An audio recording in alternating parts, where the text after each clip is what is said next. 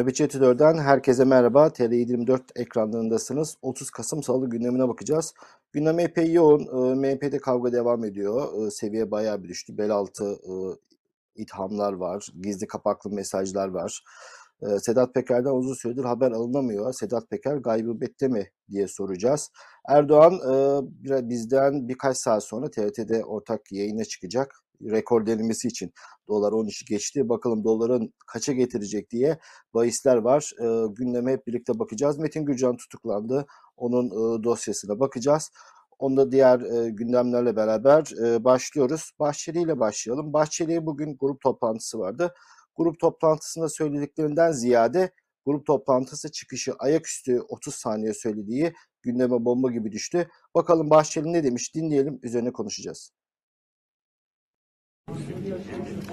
Gelecek bir muhatap bilgiler. Ankara Büyükşehir Belediye Başkanı Mansur Bey'in elinin altında geliştiği kanaate hakim. Bundan sonra Mansur Bey dikkat etsin. Artık kendisinin arkasında bir ikinci nefes vardır. Her gün takip edin. Hadi bakalım.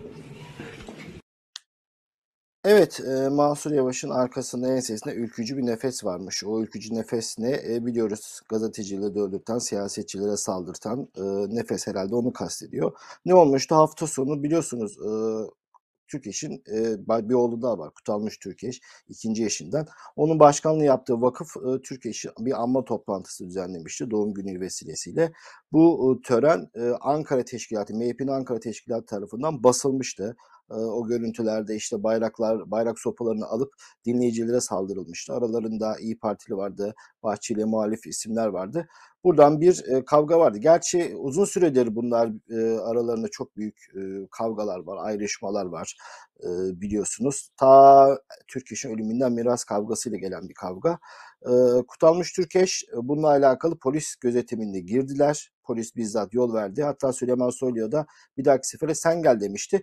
Ama kavga büyüyor. İşte e, Türkeş'in bugün e, bu işin altında Mansur Yavaş var. İşte Mansur Yavaş'ın bu grubu desteklediği, salon verdiği Çankaya Belediyesi'ne ait Nazım Hikmet Kültür isimde e, ve törende birazcık ironik olmuş olduğu törende yapılmış. Mansur Yavaş'ın bu grubu desteklediği ile alakalı iddialar ortaya atmışlardı. Mansur Yavaş da biliyorsun eski bir ülkücü. Her ne kadar CHP belediye başkanı, CHP'den belediye başkanı olsa da ama seçimlerde Ankara'da epey sayıda ülkücünün e, Mansur Yavaş'a oy verdiği de biliniyor. Ülkücü camiada sevilen bir isim Mansur Yavaş. Ama Bahçeli ile muhalifler e, Mansur Yavaş'a hedef göstermeye başlamışlardı. Şu an Kutalmış Türk işin attığı e, tweet de ekranda. Kutalmış Türkeş bir gönderme yaptı. Mikonos adasından, malum Yunan adası, Mikonos adasından topladığım parlak olanları gönderip diye epey e, konuşulacak, konuşulan bir iddiada bulundu. Bununla alakalı işte Bahçeli ile alakalı e, Ankara kulislerinde hep konuşulan e, iddialar, bazı belaltı iddialar tekrar gündeme geldi. İşte eşcinsel oldu. Malum eşcinsel büyük bir hakaret olarak birbirlerine söylüyorlar eşcinsel olduğu, kasede olduğu, mitajın olduğu vesaire tekrar dolaşıma sokuldu. Bu tehditten sonra kavganın bir süre daha devam edeceği düşünülüyor. Çünkü malum seçimler de yaklaşacak. Kim nerede pozisyon alacak bununla alakalı Hatırlar evet şu an ekrana Turul Türkeş geldi. Turul Türkeş, Alparslan Türkeş'in ilk eşinden olan çocuğu. Kutalmış'ta üvey kardeşler her zaman ifade ettiğim gibi babamın partisi, babamın partisi MHP ve onun muhterem genel başkanı Sayın Bahçeli'ye yönelik saldırılar ancak Türkiye düşmanlarını sevindirir. Herkes 40 kere düşünsün dedi. Yani kardeşine e, mesaj göndermiş oluyor. Çünkü kardeşi Kutalmış Türkeş Turul Türkeş'e niye konuşmuyorsun? Ee, senin de baban e, çık konuş babanı alma töreninde olaylar çıktı niye konuşmuyorsun diye telkinde bulunmuştu. Turul Türkeş işte konuştu. E, destek beklerken kardeşine köstek oldu. Dediğim gibi daha önce miras kavgasından dolayı bu kardeşler epey sorunlu araları. Her ne kadar daha sonra mecliste milletvekili olarak bir araya gelmişlerdi ama hiçbir zaman tam manasıyla bir barış olmamıştı. Turul Türkeş de hatırlarsanız MHP'de milletvekiliydi. 2015 seçimlerinden sonra o 1 Haziran 7 Haziran'da malum hükümet kurulamamıştı. Bir seçime götürecek seçim hükümeti kurulmuştu. Bahçeli bu hükümete biz e, üye vermeyeceğiz, bakan vermeyeceğiz demişti. Ancak Turul Türkeş dinlemeyip bakan olmuştu ve böylece MHP ile yolları ayrılmıştı. Daha sonra AKP'den milletvekili olmuştu. Aynı Turul Türkeş bu e, MİT tırlar hadisesinde vallahi billahi tallahi o silahlar e, Bacır Bucak Türkleri bayır Bucak Türkmenleri vardı. Onları gitmediğiyle alakalı yeminler etmiş bir isimdi. Daha sonra AKP hükümetinde bakan oldu, milletvekili oldu. Onunla alakalı da böyle bel altı iddialar gelmişti. Sözcü gazetesi Rus kadınla evlenen bakan kim diye başlık atmıştı. Turul Türkeş olduğu ortaya çıkmıştı. Kendisi de milli örf ve ananelerimize uygun olarak her türlü tören yapılmıştır demişti. Aslında kavga eden grupların çok fazla öyle birbirlerinden seviye olarak farkı yok. Kutalmış Türkeş'in işte tweetlerini gördünüz. E, hep böyle türkücüleri dövdürüyorsun diyor Bahçeli'ye. Şimdiye kadar hiç PKK'lı dövdürdüğünü görmedik gibi. Yani seviyeyi anlayın diye söylüyorum. E, Kutalmış Türkeş, e, Türkeş'in küçük olduğu daha sonraki eşinden Seval Türkeş'ten olan oğlu AKP milletvekiliydi. O zaman MHP ile AKP biliyorsunuz rakip partilerdi. E, işte Türkeş soyadlı birisini almak önemliydi. Kendisi milletvekili olmuştu. 2015'te seçimlerden önce e, AKP'de devam etmek milli, manevi, vicdani bir vebal diyerek istifa etmişti. Yollarına ayrılmıştı. Ama Bahçeli ile de ailece gelen bir e, sıkıntı olduğu için de hiçbir zaman da MHP'ye yanaşmamıştı. Seval Türkeş konuştu gazetecilere, Bahçeli suçladı. Türkeş öldüğünden beri bize savaş açmıştı diyerek de tepkisini dile getirdi. Şimdi bu parlak olanlar Mikonos vesaire birazcık iş seviye düştü. Daha da sertleşebilir. Daha da şiddet olayları yaşanabilir mi göreceğiz. Ama burada Mansur Yavaş ayrıntısı var. Malum Cumhurbaşkanlığı ismi geçenlerden bir tanesi. Ekrem İmamoğlu, İstanbul Belediye Başkanı ve Mansur Yavaş ismi geçiyor. Her ne kadar Kılıçdaroğlu bu belediyeleri kaybedemeyiz diyerek bu ikisini aday gösterilmeyeceğini söylese de ne kadar yıpratırlarsa o kadar iyidir diyerek Mansur Yavaş'ı da paket aldılar. Havuz medyası üzerinden tepiniyor. Mansur Yavaş'ın adaylığı sürecinde de Mansur Yavaş'la alakalı çok aleyhte yayın yapmışlardı. Tescilli serserileri, e, sahtekarları ceza almış, hapse girmiş insanları çıkartıp Mansur Yavaş hakkında konuşturmuşlardı ama bir işe yaramamıştı. Tekrar bir e, aleyhte bir kampanya başlamış gibi görünüyor. Mansur Yavaş Cumhurbaşkanlığı isimleri geçen bir insan. İmamoğlu olsun, Mansur Yavaş yıpratıldığı kadar yıpratılacak her fırsatı değerlendirecekler. Birazcık da Mansur Yavaş isminin dahil edilmesini böyle e, düşünmek lazım. E, Bahçeli grupta ne dedi? Grupta söyledi işte Zillet İttifakı vesaire de Babacan'ı yüklendi. Partisini satan gün gelir milletini de satar dedi. Muhalefete yönelik e, saldırılarına devam ediyor Bahçeli. Yaz Bahçeli ilginç bir şey daha söyledi. Ekonomide sıkıntılar olduğunu ve e, firmaların, şirketlerin %2, %5 indirime gitmediğini söyledi. Neye göre bu rakamları tespit ediyor bilmiyorum. Tecavüz Arif yaptı. Yine mutfakta yangın var. Erdoğan gitmeden çözülmez bu işler diyorlar. Bunlara inanmayın vesaire gibi. Belki o ana kadar e, çok doğru şeyler söyledi ama sonra hemen amayla manevrasını aldı. Bakalım MHP'deki kavgayı, tartışmaları izlemeye devam edeceğiz. Nereye evrilecek? Seçim ortamında daha sert şeyler olabilir. E, malum ülkücüler, farklı farklı ülkücüler var. İşte ulusalcı ülkücüler var, biraz daha MHP'de olanlar var, İyi Parti kanadına gitmişler var. Epey heterojen bir grup. Bununla alakalı bugün ayaküstüde e, Bülent Korucu'yla Abdullah Yavuz Altun özel MHP programı yaptılar. Çok daha ayrıntıları o programda bulabilirsiniz diyelim. O bu işi onlara havale edip diğer haberimize geçelim. Metin Gürcan'a geçeceğiz. Deva Partisi kurucusuydu. Eski asker, akademisyen, analist. Dün akşam geç saatlerde dünkü nöbetçi editöre yetişememişti. Tutuklandı. Askeri ve siyasi casusluktan tutuklandı. Bugün havuz medyasında kendisinin teknik takibiyle alakalı görüntüleri yayınlıyorlar. Metin Gürcan epey masum eski asker arkadaşıyla alakalı oldukça ne diyelim kahpece şeyler yapmıştı onları zan altında bırakan e, şeylere imza atmıştı ve şimdi Metin Gürcan da o arkadaşların ittiği yargıyla tanıştı ve tutuklandı. Çok ağır bir iddiayla tutuklandı. Ama e, şimdi Metin Gürcan hadisesine şöyle yaklaşmak lazım. Biz bu rejimi suçlarken, bağımsız bir yargı olmadığını söylerken bize yöneltilen ithamlar, muhaliflere ya da yurt dışında bulunanlara ya da cezaevindekilere yönelik ithamlarla ne münasebet diyorsak aynı şekilde gıcık olduğumuz insanlara yönelik aynı yargın iddialarına da birazcık mesafeli bakmamız lazım. En azından bunu bu dersi almamış olmamız lazım. Bizle alakalı söylenenler külliyen yalan ama e, başkalarıyla alakalı söyleyenler de külliyen doğru gibi bir yaklaşım olmaz. İddialar ciddi. İtalyan ve İspanyol diplomatlardan zarf karşı zarf içerisinde para aldığı görüntüler olduğu iddia ediliyor. Bununla ilgili havuzlu görseller var. Biz e, şu an girmiyoruz. e, gazeteci meslektaşımız büyüğümüz Tarık Toros'un çok güzel e, bir tweetine denk geldim. Hani Metin Gücan'la ilgili iddiaları da çarşaf çarşaf yayınlasanız da bizle alakalı yaptığınız gibi diye seslenmişti. Ama bunu da e, yapmamak lazım demişti. Ama e, epey havuz medyası kendisi hakkında e, propaganda yapıyor, kara propaganda yapıyor. Çünkü iş sonunda Deva Partisi'ne de yansımış. Biliyorsunuz Metin Gülcan'ın o e, meşhur bir videosu vardı. Askerlere hedefi tutturduğu, ateş ettiği, sonra bacak arasından ateş ettiği. O zaman tutuklansa o zaman tutuklanmalı diyenler var. Onunla alakalı Metin Gülcan hakkında e, soruşturma ve davaya dönüşmüştü. Askerler lehinde ifade verdi. Kamu zararı oluşmadığı için kendisi beraat etmişti. Yine bu görüntülerin yayılmasıyla alakalı Metin Gülcan yine alçakça iddialarda bulunmuş. Tabii çok e, dikkatli konuşmak istiyorum ama şimdi hapiste bir insan kendisini savunamayacak. Bunun cemaatin sızdırdığını, videonun devamını kendisinin hedefi tutup askerlerin ateş ettiğini söylemişti. Sanki böyle olunca çok masum görünüyor gibi. Siz çocuğunuzu yetiştireceksiniz, askere yollayacaksınız. Bir psikopat yüzbaşı güven moral eğitimi adı altında çocuklarınızın hayatını tehlikeye atacak. Bunu marifet gibi de savunmuştu. İşte komutanın e, birliğine güven vermesi falan diye. Hatırlarsanız bu moral eğitimleri asker öğrenciler yapılınca cemaatle iltisaklı olduğu askerlerle alakalı bir sürü kara propaganda yapılmış. İşte çocukları kötü davranıldı vesaire diye.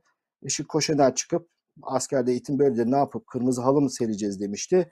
Metin Gürcan'la ilgili iddialar bu. Şimdi o zarfla para aldığı iddiası var. Eğer Metin Gürcan bunu e, bildirdiyse, gelir olarak bildirdiyse bir e, sorun yok. Neticede büyükelçiliklere danışmanlık yapılmaz diye bir şey yok. Önemli olan ne verdiği, sunduğu belgeler. E, Metin Gürcan'ın savunması herhangi bir gizli belge ya da askeri casusluk olabilecek devletin sırlarıyla alakalı hiçbir şey vermedim. Analizlerimi açık kaynaklardan derlediğim raporları paylaştım ki uzun yıllardır bunu yapıyorum. Emniyete verdiği ifadede. Bu herkese ders olmalı.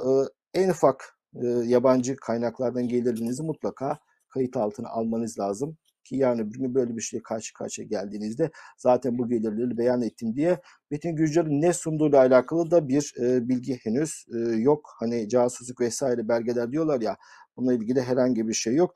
Burada dikkat çeken durum olayın ilk anından itibaren Babacan'ın birazcık titrek duruşu e, hatırlarsın önce eğer demişti. Eğer bu bir siyasi operasyonsa, eğer eğer dün de Fatih Altaylı Habertürk programındaydı. Bildiğimiz kadarıyla bize gelen bilgilere göre hep şerhler düştü. E, Metin Gülcan'la ilgili şeylere. Ben şunu tahmin ediyorum. E, Metin Gülcan operasyon yapıldığında Ali Babacan'a neticede eski AKP'li uzun süre bakanlık yaptı. Dostları, arkadaşları ya da güvenlik güçlerinin çok fazla topa girme mahcup olursun. Elde çok güçlü deliller var, videolar var, görüntüler var diyerek bilgi uçurmuş olabilir. O yüzden Babacan'ın çok heyecanlı bir şekilde topa girmemiş olabilir diye düşünüyorum. Ama neticede e, bu yargının siyasi bir yargı. Erdoğan'ın iki dudağı arasındaki yargı sizin kurucunuzu alıyorsa onunla alakalı iddialara da aynı şekilde mesafeli durmanız lazım. Çok daha cesur durmanız lazımdı. Metin Gülcan'ı verirsen yarın öbür gün hem Davutoğlu partisi hem Babacan'ın partisi hem de kendileriyle alakalı benzer iddialar çıktığında çok rahat tutuklamalar, gözdağları olabilir. Ki seçim dönemine yaklaşıyoruz. Bu partilerde aday olacak ya da bu partilere destek vermek isteyen insanları, iş adamlarını, diğer bürokratları zaten e, korkutacaklar. Bunu tahmin etmek zor değil. Çok büyük ihtimalle e, de bunu yapacaklar. Ama e, Babacan'ın bu korkak duruşu enteresan. Hani KHK'larla ilgili diyorlar diye işte beraat etmişler hakkında yasal vesaire olmayan. Al işte senin kurucun da burada bu yargının önünde. E, kurucunu bir savunamıyorsun. KHK'larla alakalı nasıl adımlar atacaksın? O da ayrı bir soru. Diğer bir e, haberimize geçelim. Erdoğan bugün rekor denemesine çıkıyor demiştik. Neyi kastediyoruz? E, TRT'de ortak yayında Türkmenistan dönüşü uçakta söylemişti. Periyodik olarak 15 günde bir ekranlara çıkıp e, ekonomiyi, dış gelişmeleri vesaireleri anlatacağım demişti. Dış gelişmeler vesaire pek insan umurunda değil ama bu yine ekonomiyle alakalı işte faiz sebep, enflasyon sonuç şu bu gibi sözleri söylerse eğer daha önceki konuşmalarından ders almamışsa tekrar bir krizle karşı karşıya kalacağımız doların zıplayacağı e, konuşuluyor. Bakalım Erdoğan nasıl bir pozisyon olacak? Ekonomi tahsili aldığını, ekonomist olduğunu, bu işlerden anladığını sık sık söylüyor. Anladığı da bu e, doları bir buçuktan alıp 13.5'a getirdi. Anladığı da bu. Dolar bugün ayrıca yükseldi. Merkez Bankası piyasalardan sorumlu Doruk Küçük Saraç istifa etti. E, piyasalardan sorumlu olduğu için direkt e, dövizle alakalı e, bir meseleydi. Tekrar dolar yükselişe geçti. Şimdi Erdoğan'ı bekliyor. Bakalım Erdoğan akşam dolara nasıl bir ayar çekecek hep beraber göreceğiz. Dediğimiz gibi bizim yayınımızdan sonra başlayacak. E, piyasalarda korku var. Dolar her yükseldiğinde fakirleşiyoruz. Dolar her yükseldiğinde ürünlere zam geliyor. Hiçbir şey gelmesi bile benzine geldiği için zaten e, nakliye ücretleri arttığı için otomatik zam geliyor. Dileriz bu kötülüğü tekrar yapmaz, ders almıştır ama Erdoğan'ın özellikle doları yükseltmek için çabaladığını biliyoruz. Belki sırf bu, bu geceye yönelik operasyon bile yapmış olabilirler. Dolarları e, şimdiden yastık altı yapıp, tabii yastık altı deyince mi- milyonlarca dolar yastığın altına sığmaz. Pozisyonlarını almış bile olabilirler. Erdoğan sırf e, bundan dolayı bazı cümleler söyleyip daha sonra e, iddialar o ki doları belli bir seviyeye yükseltecekler. Daha sonra faiz indirim, faiz yükseltme kararları alarak doları biraz düşürüp tekrar yüksekten satıp yine dolar alacaklar diye iddialar da var. Geçmişte çok yaptılar. O yüzden e, hiç şaşırmamak lazım. Bugün e, Kılıçdaroğlu da grup toplantısındaydı. Birleşik Arap Emirlikleri ile ilgili yakınlaşma gündemindeydi. E, onlara satılacak kurumlarla alakalı Kılıçdaroğlu sert konuştu. Dinleyelim. Birleşik Arap Emirlikleri'nin veliahtı mı, veliaht prens mi? Neyse işte geldi. Havaalanında karşılandı. Kırmızı halılar, turkuaz halılar sergilendi. İstiklal marşları okundu. Ya düne kadar bu adamlara şerefsiz diyordunuz. Ne oldu birdenbire? Şimdi gazetelere bir şey yansıdı. Efendim bunlar geldiler. Aselsan, Havelsan, Roketsan fen bunları alacaklarmış. Bunların pazarlıklarını yapacaklarmış. Buradan Erdoğan'a da söylüyorum. Birleşik Arap Emirlikleri'nin veliaht prensine de söylüyorum. Ordunun Havelsan'ına, Roketsan'ına, Aselsan'ına el koyarsanız, satarsanız fitil fitil burnunuzdan getiririm. Fitil fitil burnunuzdan getiririm. Evet e, ama öyle çok büyük büyük konuşmamak lazım. Bunlar da şerefsiz e, Kılıçdaroğlu'nun dediği gibi daha sonra e, işte Kırımtalılar serdi. E, ülke yönetmeye başlayınca belli olmuyor. Aynı Kılıçdaroğlu Veliaht Prens'le çok daha başka anlaşmalar yapabilir. Ama konuyu gündeme getirmesi açısından önemliydi. Metin Gürcan'ın Aselsan'a satışını ilk defa söylediği için de Metin Gürcan'ı kafaya taktıkları. Her ne kadar bir yıldır süren bir operasyon olsa da noktayı son damlanın Birleşik Arap Emirlikleri'ne Aselsan satılacağı olduğu iddialar da var. Bunu da hatırlatmış oldum. Kılıçdaroğlu grupta bunu söyledi. HDP Kobani davası vardı. Behzat geç başladı. Bugün grup toplantısı yapmamış. Onu da hatırlatalım. E, şimdi e, kaybolan birisi var. Sedat Peker. Sedat Peker nerede? E, Birleşik Arap Emirlikleri Veliaht Prensi geldiğinden beri kendisinden haber alınamıyor. Twitter'ında 6 gündür e, bir paylaşım yok. Normalde suya şeyleri RT ederdi. Onu da RT etmiyor. Tam e, Sedat Peker abimize ihtiyaç olduğumuz bu MHP'de kavga, Mikonos parlak olanlar falan tam böyle Sedat Peker'in çok iyi bileceği e, gündem gelmişken e, abimiz kayıp. E, arkadaşlar gaybubette mi diye soruyorlar. Çok güzel bir e, başlık tutmuşlar. Malum gaybubette e, mi değil mi e, göreceğiz bakalım. Sedat Peker nerede?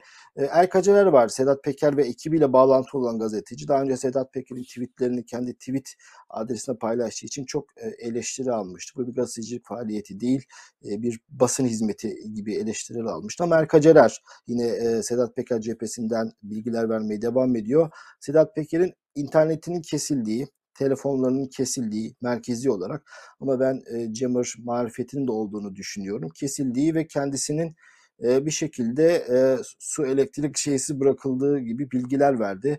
Çocuklarının ödevlerini dahi internet olmadığı için yapamadıklarını, oyun oynayamadıklarını aktardı. Sedat Peker'in e, böyle de mağduriyetleri varmış. Ama e, Twitter adresi birkaç kişi tarafından e, kullanıldığı için neticede e, çok büyük takipli e, milyonlarca insan takip ediyor Sedat Peker'i. E, tweet atılabilir ama kendisi atmamış olabilir. Ekibinden atanlar olmuş olabilir diye Erkacılar bilgi vermişti. E, 6 gündür Sedat Peker yok. Hiçbir şekilde sorun çıkartılması istenmiyor. RT dahi yapılmıyor ki çok uzun süredir videoları kesmişti. E, Sedat Peker'in ne yapacağı muamma. Başka bir ülkeye geçebilir mi? Hep birlikte göreceğiz. Ama e, iade edilip edilmeyeceği ile alakalı. Çünkü Erdoğan Şubat ayında Birleşik Arap Emirlikleri'ne gidecek. Sedat Peker'le aynı anda aynı ülkede olur mu olmaz mı bunu göreceğiz. Dün e, Türkmenistan'dan dönerken uçakta Erdoğan kilit bir şey söyledi. Birleşik Arap Emirlikleri'nde benden önce Hakan Fidan gidecek dedi. Her ne kadar ekonomik anlaşmalar imzalayacaklarmış ama benden önce MİT müsteşarım gidecek dedi. Herhalde Hakan Fidan'ın Birleşik Arap Emirlikleri'nde başka bir gündemi olamaz. Sedat Peker'dir gündemi. E, bakalım e, Hakan Fidan'ın hem e, ziyareti, Şubat'ta da Erdoğan gideceğini düşünürsek ben e, Sedat Peker'in Birleşik Arap Emirlikleri macerasının sonuna doğru geldiğini e, düşünüyorum. Her ne kadar e, orası kara para merkezi, Birleşik Arap Emirlikleri olsun Dubai eyaletlerinden bir tanesi. Abu Dhabi, Dubai, Şarjah. Buralarda çok ciddi bir dünyanın her yerinden para akışı var. Çok kirli diyebileceğimiz kriminal insanlar bulunabiliyor. Bunları teslim etmek imajlarına ters. Daha sonra gelebilecek para akışının önüne engel olduğu için belki iade konusunda ayak diretebilirler. Belli de olmaz. İlişkiler e, iyi gidiyor. Sedat Peker'i feda edebilirler. Ama Sedat Peker'i feda etmede başka ülkeler devreye girebilir mi? İlk akla gelen işte Amerika hemen akla geliyor. Belki onların telkiniyle iade etmeyip başka bir yere, e, güvenli bir yere çıkışı sağlanabilir mi? Çünkü yaptığı ifşaatlar e, kaçak işi de silah olsun diğer uluslararası hukuku ilgilendirilen suçları da ifşa ettiği için Sedat Peker ben e, bazı ülkelerin Sedat Peker'in susmasını pek e, kabul etmeyeceklerini bununla alakalı da girişimlerde bulunabileceğini düşünüyorum. Bakalım Gaybebet'teki Sedat Peker e, ne yapacak? Gaybebet'te mi devam edecek yoksa yurt dışına mı çıkacak, e, nehir mi geçecek, boğazı mı geçecek, denizden mi gidecek hep birlikte göreceğiz. Bu arada bir gelişme yaşandı. Bir süredir Birleşik Arap Emirlikleri'nin cezaevinde bulunan ve müebbet hapse mahkum edilmiş e, Türk iş adamı serbest bırakıldı. Bununla alakalı havuzda çok haberler çıkmış. Arkadaşlar o ekranı götürebilirsek Birleşik Arap Emirlikleri'nin bu iş adamına ne kadar büyük insanlık suçu işlediği, işkenceye maruz kaldığı, fuar için gittiği de tutuklanıp casusluk iddiasıyla tutuklanıp uzun süredir e, 2018'den beri oradaydı. E, o da sağ salim ülkesine döndü, sevdiklerine kavuştu. İlişkilerin düzelmesinin bir sonucu da bu oldu. Değerli, değerli izleyiciler, arkadaşlar diliyorum. E, diğer bir haberimize geçelim. Şimdi ülkede o kadar büyük hırsızlık, yolsuzluklar varken bu haberi niye aldın? Levent diye diyebilirsiniz. Şundan dolayı aldım. Haberi bir e, hızlıca bir söyleyelim. Bunun videosu da vardı. E, dilerseniz önce video izleyelim. CHP milletvekili Servet Ünsal, Hürriyet gazetesi yazarı e, Abdülkadir Selvi, gazeteci Abdülkadir Selvi, Zaman Gazetesi'nden çıkmayan Abdülkadir Selvi, Mustafa Ünal'ın yakın arkadaşı olduğu tahmin edilen Abdülkadir Selvi. Hani Sedat Peker ne diyor? Düşkün diyordu. Alev olduğuna e, temasda bulunuyordu epey bir risale okumuşluğu da vardır. Abdülkadir Selvi ile alakalı bazı iddialarda bulundu. E, dinleyelim bakalım iddialar neymiş. Abdülkadir Selvi'nin bir damadı var arkadaşlar. Selvi'nin damadı Emre BOTAŞ'ta güvenlik görevlisiyken hemen bu düğünden sonra Türk Petrolleri Anonim Şirketi'nde bilgi teknolojileri yöneticisi oluyor. 3 ay sonra Bilgi Teknolojileri Daire Başkanı oluyor arkadaşlar. 2017'de bu milli damat Emre nereye tayin oluyor? Bilim, Sanayi ve Teknoloji Bakanlığı Bilgi İşlem Daire Başkanı oluyor bu sefer de. Emre Öğütcan teknik malzeme alımlarında Devlet Malzeme Ofisi üzerinden alımlarda özellikle bakanlığa mal satacak firmaların tercihi için tek nokta. Emre Efendi tek tabanca olunca bu yerde hibe istiyor arkadaşlar. Her biri 5 bin dolarla 10 bin dolar arasında olan fotokopi makinesi alımı için e, firmayı çağırıyor. Evet, e, iddialar böyle devam ediyor. Şirket fotokopi makinelerini hibe ediyor. E, neticede e, demek ki çok yüklü e, ihaleler kazanmışlar hibe edecek kurtarıyor hibe. Hibe edilen fotokopi makinelerini e, nereye götürüyorlar biliyor musun? Bios Madencilik diye bir şirkete getiriyorlar.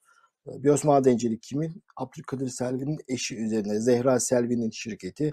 Yani aile şirketlerine götürüyorlar. Müfettişler görüyor orada fotokopi makineleri bakanlığa, e, Varank'ın bakanlığına hibe edilmiş bütün teknik cihazlar o e, iş yerinde ortaya çıkıyor. Selvin damadı EÖ bunu yapmış. İddia o CHP'nin iddiası. Peki bu haberi niye aldım?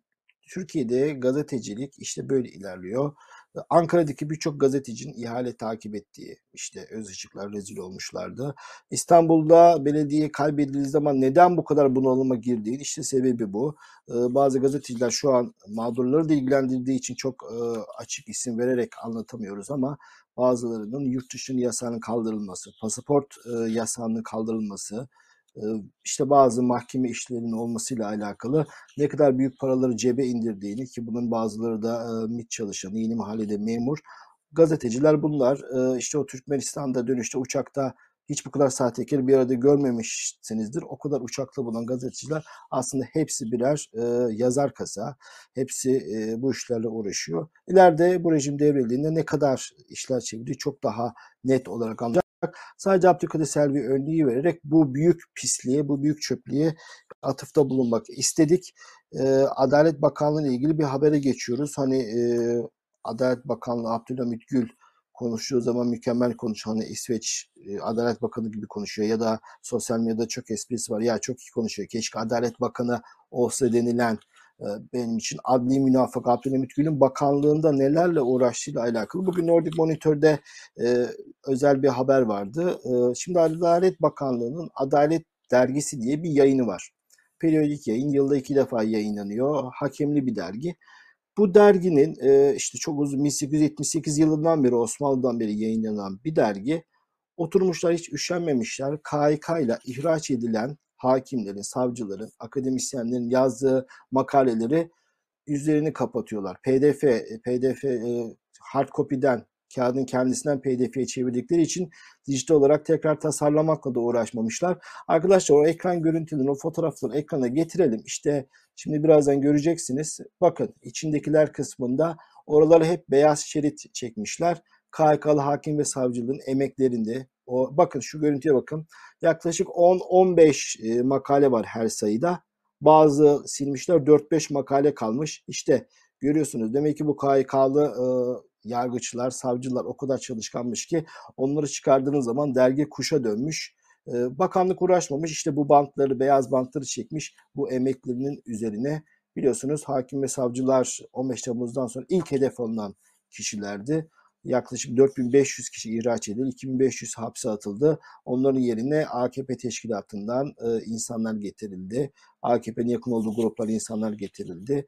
Avukatlar, AKP'li avukatlar savcı, hakim yapıldı. Onlar şu an e, o kadar genç ki kanunları bile bilmiyor. E, şeyler, katipler yazıyor. Onu düzeltiyor. Hakimleri, savcıları katipler düzeltiyor. O derece görüyorsunuz insanların emeklerini beyaz şeri çekmişler. Ama o makaleler, o çalışmalar orada duruyor. Basılmış. O haberin devamında hakim ve savcılar nelerle uğraştı. İşte o emekleri çöpe atılan, bugün için öyle görünen kişiler de karpuz satıyorlar. Ee, Mehmet Köroğlu hakim. E, bu da enteresan. E, bu e, fotoğraf kalsın arkadaşlar. Rabia Başar, Mustafa Başar. Karı koca hakim. Rabia Başar Gezi davası sırasında hükümetin parkı alışveriş merkezine çevirecek projeye red veren hakimdi. Hiç e, gezicilerin ismini andığını duydunuz mu? Duymamışsınızdır. E, sebebi de malum. Mustafa Başar Hidayet Karacı'nın olduğu bir grup gazetecinin haksız yere içeride olduğundan dolayı tahliye kararı vermiş bir hakimdi. Biliyorsunuz o karar hiç uygulanmadı. Cezaevine faksı engellemişlerdi. Kendisi daha sonra da hapse atılmıştı. Karı koca hapisteler, hücredeler 63 aydır birbirlerini görmüyorlar. Çünkü farklı şehirdeler. Böyle işte bu insanlara işkence yapılıyor. Haklarında savunması gereken kesimlerden çok az grup savunuyor. Bu dönemin kahramanları ileride ne olacak, nasıl anılacak hep beraber göreceğiz. Tarih kimi nasıl yazacak göreceğiz. İşte Adalet Dergisi'ndeki sansürü e, de böylece konuşmuş olduk. Son haberimiz NBA yıldızımız Enes Kanter. E, Enes Kanter dün Amerika vatandaşı olmuş. Belli bir süre yurt dışında yaşadığınız zaman hele de çalışıyorsunuz zaten vatandaşlık e, hak ediyorsunuz. Avrupa'da da Amerika'da da uzun bir süredir bulunan insanlar vatandaşlık almaya başladılar. E, Enes Kanter'in geç olduğu bilebiliriz. Amerika'daki tam prosedürü e, bilemiyorum. Enes Kanter Amerikan vatandaşı oldu ve soyadına freedom, özgürlük ifadesini ekledi. Çok uzun bir süredir bu kelimeyi zaten hem tişörtlerinde, ayakkabılarında slogan kullanıyordu. E, çift vatandaşı oldu, Amerikan vatandaşı oldu. E, güzel görüntüler var. Daha sonra kendisine bu yemin yaptıran hakime ile ilgili Beşiktaş muhabbet yapıyor. Beşiktaş'ın bu kötü durumunda biz Beşiktaşlılara moral verici bir şey vardı. O vardı. Sağ olsun Enes Kanter e, bir Beşiktaşlı daha e, çocuğu da hakimin çocuğu Enes Kanter yemin edecek diye izlemeye gelmiş. E, dünya basınında herkes bunu haber yaptı.